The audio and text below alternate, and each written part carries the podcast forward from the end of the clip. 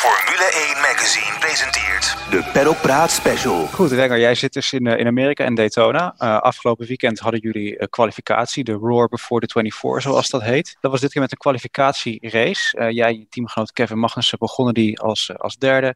Tijdje op kop gelegen en jullie werden uiteindelijk zevende aan de finish. ja, hoe verliep die race in die zin eigenlijk voor jullie? Ja, hoe verliep die? Eigenlijk, eigenlijk moet ik ehm, gelijk beginnen met dat die race er niet heel erg toe doet. Hè? Um, en dan heb je het over uh, het feit dat de 24 uur is eigenlijk de grootste wedstrijd. De 24 uur van Daytona is tegelijk de grootste wedstrijd van het hele seizoen. Uh, heel veel teams en merken, zoals Mazda, Cadillac, uh, Acura, maar ook in de GT's, BMW, Corvette en alle merken die hier meedoen, die, ja, die zetten hier volop in. in onze klasse heb je wel degelijk te maken met een balance of performance.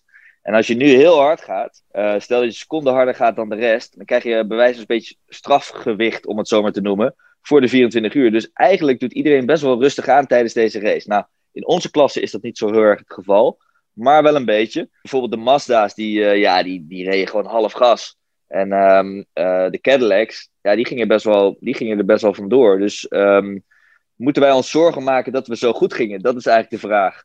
Uh, want we gingen ontzettend goed. Dat voelde ik al tijdens vrije trainingen. De auto uh, is een maand geleden naar Chip Ganassi Racing gekomen.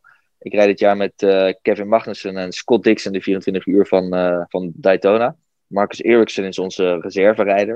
In deze gekke tijden kan het natuurlijk zo gebeuren dat er iemand uitvalt. Door COVID of zo. Maar uiteindelijk, um, ja, een maandje geleden hebben we die auto gekregen. En we zijn gaan opbouwen. Dag en nacht heeft het team gewerkt om, om deze auto op de baan te krijgen. En die auto is echt ontzettend sterk. Dus uh, ik stapte in en ik heb drie jaar met die auto gereden. Dit was gewoon een andere auto voor mijn gevoel. Dus uh, heel erg cool. Maar uh, nee, dus op zich de race zelf ging niet zo goed. We lagen aan de leiding. Kevin Magnussen voor het eerst een rollende start. En ook voor het eerst in, een, in het nat met deze auto gereden, in de regen. Maar we bleven te lang op de regenbanden rijden, waardoor we heel veel tijd verloren en uiteindelijk niet goed gefinished zijn. Maar um, ja, al met al een hele goede race voor ons om te leren over Um, de pitstops, um, alles was nieuw natuurlijk, om dat weer een keer gedaan te hebben. Ja, we komen zo uh, ongetwijfeld nog wel even op jouw teamgenoten. Maar voor jou is Ganassi natuurlijk ook nieuw hè, als, als team waarvoor je werkt. Absoluut topteam in, uh, in Amerika natuurlijk. Hoe bevalt die, uh, die samenwerking tot nog toe?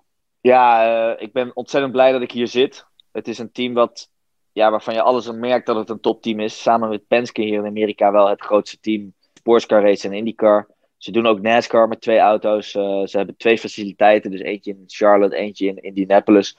En ze kunnen ook in de fabriek, want ik noem het een fabriek, kunnen ze ook alles maken. Als je naar de machine shop gaat, ja, uh, uh, een stop of een, noem het maar op, um, een stuk carbon of het maakt niet uit, ze kunnen het maken. En ook niks is te veel gevraagd. Als je iets vraagt, dan um, bij veel teams heb je dan ja, een soort van, oeh, we moeten even kijken hoe we dat moeten regelen met een externe partij.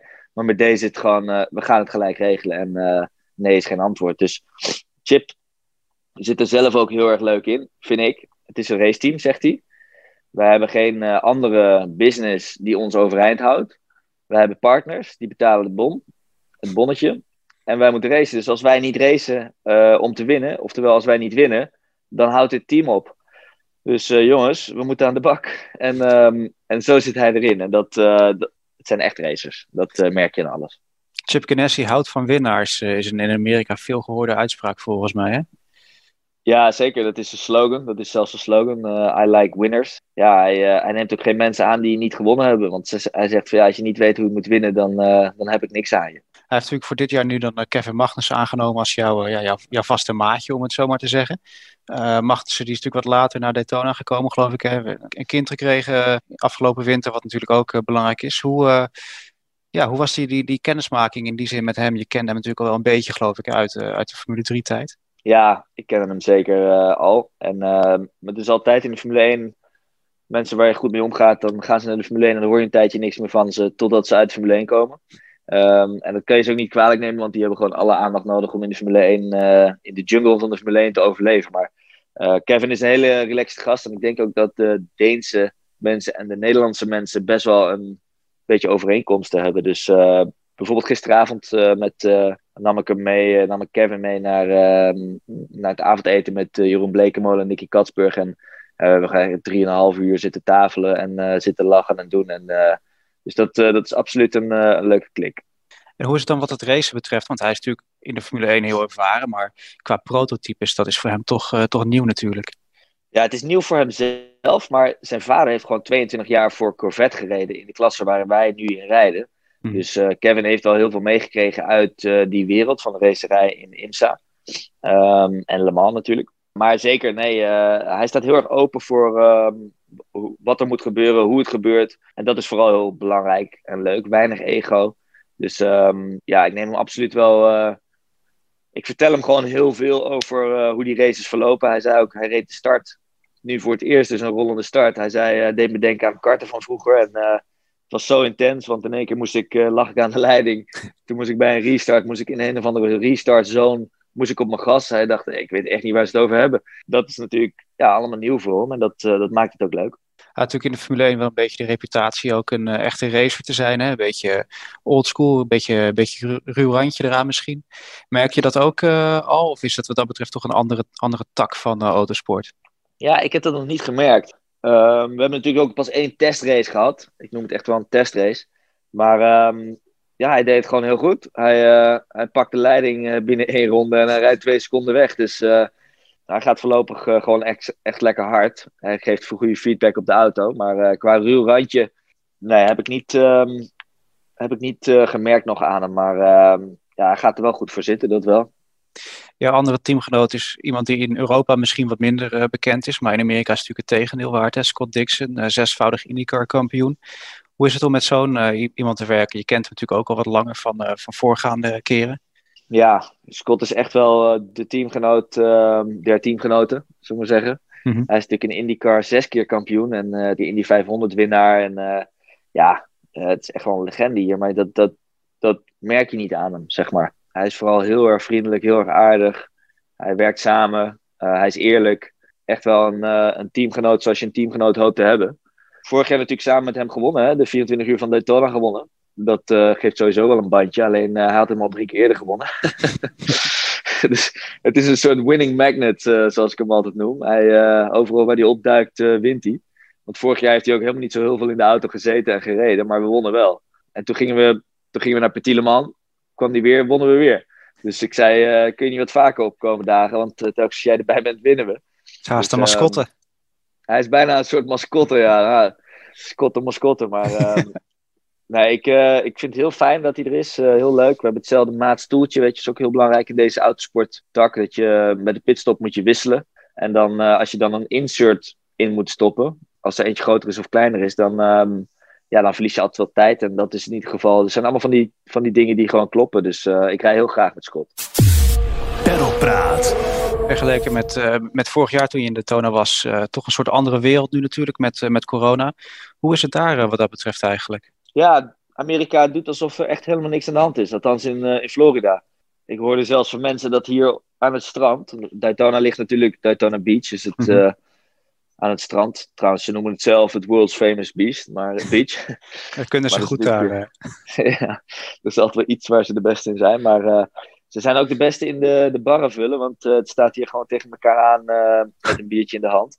Maar ja, daar komen wij natuurlijk niet. Wij blijven daar ver van weg. Maar ja, ze doen net alsof er niks aan de hand is. Dus het is ongelooflijk. En hoe gaat het dan op circuit? Zijn er coronaprotocollen om aan te houden? Zijn er bijvoorbeeld ook fans aanwezig? Of mag dat dan weer in beperkte mate? Ja, nee, Insta neemt het wel heel serieus natuurlijk. Dus um, wij moeten elke dag een questionnaire invullen. Krijgen we een QR-code. Dan wordt de temperatuur gemeten. Die QR-code laat je zien dat je juist de informatie hebt ingevuld bij de, bij de gate. Dan krijg je een sticker op je pas. Mag je naar binnen. Uh, maar dan is dat het ook wel. En de fans die mogen ja, je hebt in de pitstraat van Daytona, of eigenlijk in de pitbox moet ik zeggen, heb je ramen. Mm-hmm. Waardoor fans naar binnen kunnen kijken. Het is allemaal heel toegankelijk gemaakt. Dat komt vanuit NASCAR natuurlijk. En dat is ook heel leuk. Dus er staan heel veel fans staan wel te kijken naar de pitboxen. Naar de, ja, waar we staan, naar de garages. Maar ze mogen niet in de, in de paddock komen waar wij zijn. Dus um, ja, daar, uh, daar houdt de IMSA wel erg rekening mee. Hoe, uh, hoe kom jij de dagen ertussendoor uh, eigenlijk uh, door? Je liet net voor het interview even zien dat het stralend weer is en je een mooi, mooi zwembadje hebt buiten je hotelkamer. Maar ik kan me denken dat je ook wel een beetje de deur uit wil af en toe, of niet? Ja, zeker. het is vooral ook lekker fit blijven en klaar, klaar maken voor de, voor de wedstrijd. Dus ik heb mijn racefiets hier, die gooi ik altijd in de truck. En um, dus die heb ik achter in mijn auto gegooid deze twee weken. En dan um, ga ik lekker op de fiets. Um, ik heb hier een goede gym. Ik uh, zit lekker op mijn laptopje te werken voor het uh, bedrijf wat ik nog heb. Um, dat is de racing uh, verzekeringen. Raceverzekeringen zijn dat. dus daar, dat loopt natuurlijk heel hard nu, omdat ja, alle seizoenen beginnen. Dus iedereen wil zijn, zijn aanbiedingen hebben om, om af te kunnen sluiten. Maar ook bijvoorbeeld voor deze race heb ik ook een paar auto's verzekerd. toevallig ook eentje de muur in, dus dat was weer jammer. Maar, uh, Dus er was wat schade. Maar uh, ik kom de dag wel door. Maar uh, ik heb natuurlijk thuis twee kindjes zitten waar ik, ehm, die ik ontzettend mis. Zeker als ik 2,5 week eh, op pad ben. En dan kijk ik naar de, naar de FaceTime of de filmpjes. En dan zie ik dat mijn zoontje weer gegroeid is. En denk je, jezus, het gaat hard. Ja. Maar ehm, Nee, dus ik, uh, ik kom de tijd wel door, maar uh, ja, ik kan ook niet wachten tot de 24 uur gaat beginnen. Ik zag wel op Instagram dat je je nog even over uh, Nick Katsburg en zijn fiets mocht ontfermen, geloof ik, hè? ja. ja, Nicky is echt een mooie vent. Nicky Katsburg, die doet het ontzettend goed de laatste paar jaren. Die rijdt voor allerlei fabrieksteams en nu voor Corvette in de GT's. En hij, um, hij is ook aan het fietsen, maar hij wist nog niet hoe hij een band moest wisselen. Want hij reed twee keer lek en ik moest twee keer zijn band wisselen. Dus uh, daar was ik weer blij mee. En toen kwamen we bij de koffie, moest ik koffie ook nog betalen. Ik denk, nou, dan moet je op gaan houden. hij heeft gisteravond het avondeten betaald. ja, terecht uh, lijkt me. Maar ja, hij heeft in ieder geval gelukkig een pitcrew om het op het circuit uh, te doen dan. Ja, ik Scheelt weer. over dat circuit gesproken, misschien een gekke vraag, maar zou je ons een rondje mee kunnen nemen over Daytona in die zin? Veel mensen kennen denk ik natuurlijk die, die, die kombaan. Er zit ook nog een verraderlijke ja, binnentrein, om het zo maar te noemen, op hè? Ja, het is, uh, het is een hele leuke baan. Uh, iedereen die er voor het eerst rijdt, die komt eigenlijk een beetje springend uit die auto. Van, jezus, wat gaaf dat het, uh, die banking. En Kobayashi vorig jaar was mijn teamgenoot. Die, die stond echt letterlijk te schreeuwen en te dansen van hoe gaaf is het om over die banking te gaan. Je kan bijvoorbeeld ook op die banking eigenlijk niet ver vooruit kijken, want je kijkt tegen het dak aan van de auto. Dus zo schuin ga je. Als je omhoog moet lopen, dan ja, is het ook even klimmen. Maar nee, bocht 1 rij je de banking af. Net na start-finish rij je de banking af is een moeilijke bocht vanwege het uh, verschil in asfalt, hè, omdat je de banking afrijdt. En dat is een tweede versnellingsbocht. Kan je veel inhalen. Ook bij de start is daar altijd mogelijkheid om een, uh, om een, uh, om move te maken. En zeker in het laatste uur van de wedstrijd, hè, als het voor de overwinning gaat, dan kun je daar nog wel eens ertussen steken. En een beetje bargy-bargy er langskomen. Dan heb je een kleine chicane tot bocht 3. Die, twee, die kleine chicane is de tweede bocht. Maar ehm, ja, het is een volgasbocht. Uh, moeilijk om in te halen, omdat als een GT daar geen ruimte geeft, dan raak je in elkaar. Bocht 3 is een herpin, rechtsaf. Dan heb je een kink, dat is bocht 4, die is vol gas. In de regen net aan vol gas. En dan kun je eigenlijk net niet inhalen, omdat het daar maar één lijn is. Dus uh, het is altijd kiezen, neem je vol risico om nog net die GT voorbij te gaan, of wacht je een, uh, een bochtje. Dan heb je bocht 5, dat is een, een lange rechtse waar op het remmen niet helemaal duidelijk is of je nou aan de binnenkant moet zitten of aan de buitenkant. GT's die remmen daar aan de binnenkant, zodat wij aan de buitenkant kunnen inhalen. Uh, we hebben een spotter op het dak staan, dus die helpt altijd mee. Van uh, wanneer je er precies helemaal voorbij bent, hoor je clear en dan kun je insturen. Maar uh, bocht 5 is een, een bocht waar ehm, het een beetje raar is en waardoor je altijd wel een beetje verschillende lijnen zult zien van de verschillende auto's. Bocht 6 is waar je de banking weer oprijdt. En bocht 6 is dus heel belangrijk, want dat is een lang recht stuk wat er achteraan komt. En bocht 6 moet je dus vroeg op je gas gaan. Dan heb je alleen nog één bocht, uh, dat is de busstop. En die is heel snel, derde, vierde versnelling soms, op nieuwe banden. En dat is een uh, links, rechts, rechts, links. En op de exit van die bocht uh, ligt een kleine curbstone. En die GT's die gaan vaak over die curbstone heen, waardoor er aan de binnenkant een gat ontstaat. Hm. En als je daar doorheen gaat, dan rij je de hele vloer van de auto eronder uit. Dus uh, belangrijk om daar niet uh, te veel van de curbs gebruik te maken. En dan rij je de banking op naar start-finish. Ja, klinkt als een mooi rondje. Je krijgt natuurlijk komend weekend uh, ja, in 24 uur genoeg tijd om het tal talloze keren te, te, rijden. Hoe, hoe zie jij je kansen voor, voor aanstaand weekend? Ja, je moet gewoon ook wel geluk hebben bij de 24 uur races. En het materiaal moet zich goed houden. We hebben deze auto natuurlijk een maand geleden opgebouwd. We hebben weinig ervaring, dus er zullen misschien uit, ja, dingen op die auto zitten die het team nog niet weet dat het makkelijk stuk gaat. Maar we hebben veel support van Delara, de autobouwer. Dus ik hoop dat hij heel blijft. En als hij heel blijft, denk ik dat we serieus een kans maken om te winnen. Maar uh, ja, het zou natuurlijk geweldig zijn. Ik bedoel, uh, ik heb hem twee keer op rij gewonnen. Als je hem een derde keer zou winnen, zou ja, echt wel uh, bizar zijn. Dus ehm, maar daar gaan we wel voor. Altijd als we het over Daytona hebben op de redactie, dan begint onze chef André over de Rolex. Wat natuurlijk de, de prestigieuze prijs is, los van de eeuwige roem die je daar kan winnen. Ik geloof dat de eerste twee naar je kinderen gaan. De derde moet er maar voor jezelf zijn, of niet? Ja, mijn vrouw staat ook al in de wachtlijst. Dus ik, ik ben benieuwd waar die gaat blijven. Maar laten we hem eerst maar eens proberen te winnen. Ja, nou, Renger, veel succes alvast, zou ik zeggen. Ja, thanks. Formule 1 Magazine. Perropraat, de special. Deze podcast van Formule 1 Magazine is geproduceerd door Hassan El Maroudi van podcastservices.nl, Jonathan Leij en Almar Uilenbroek.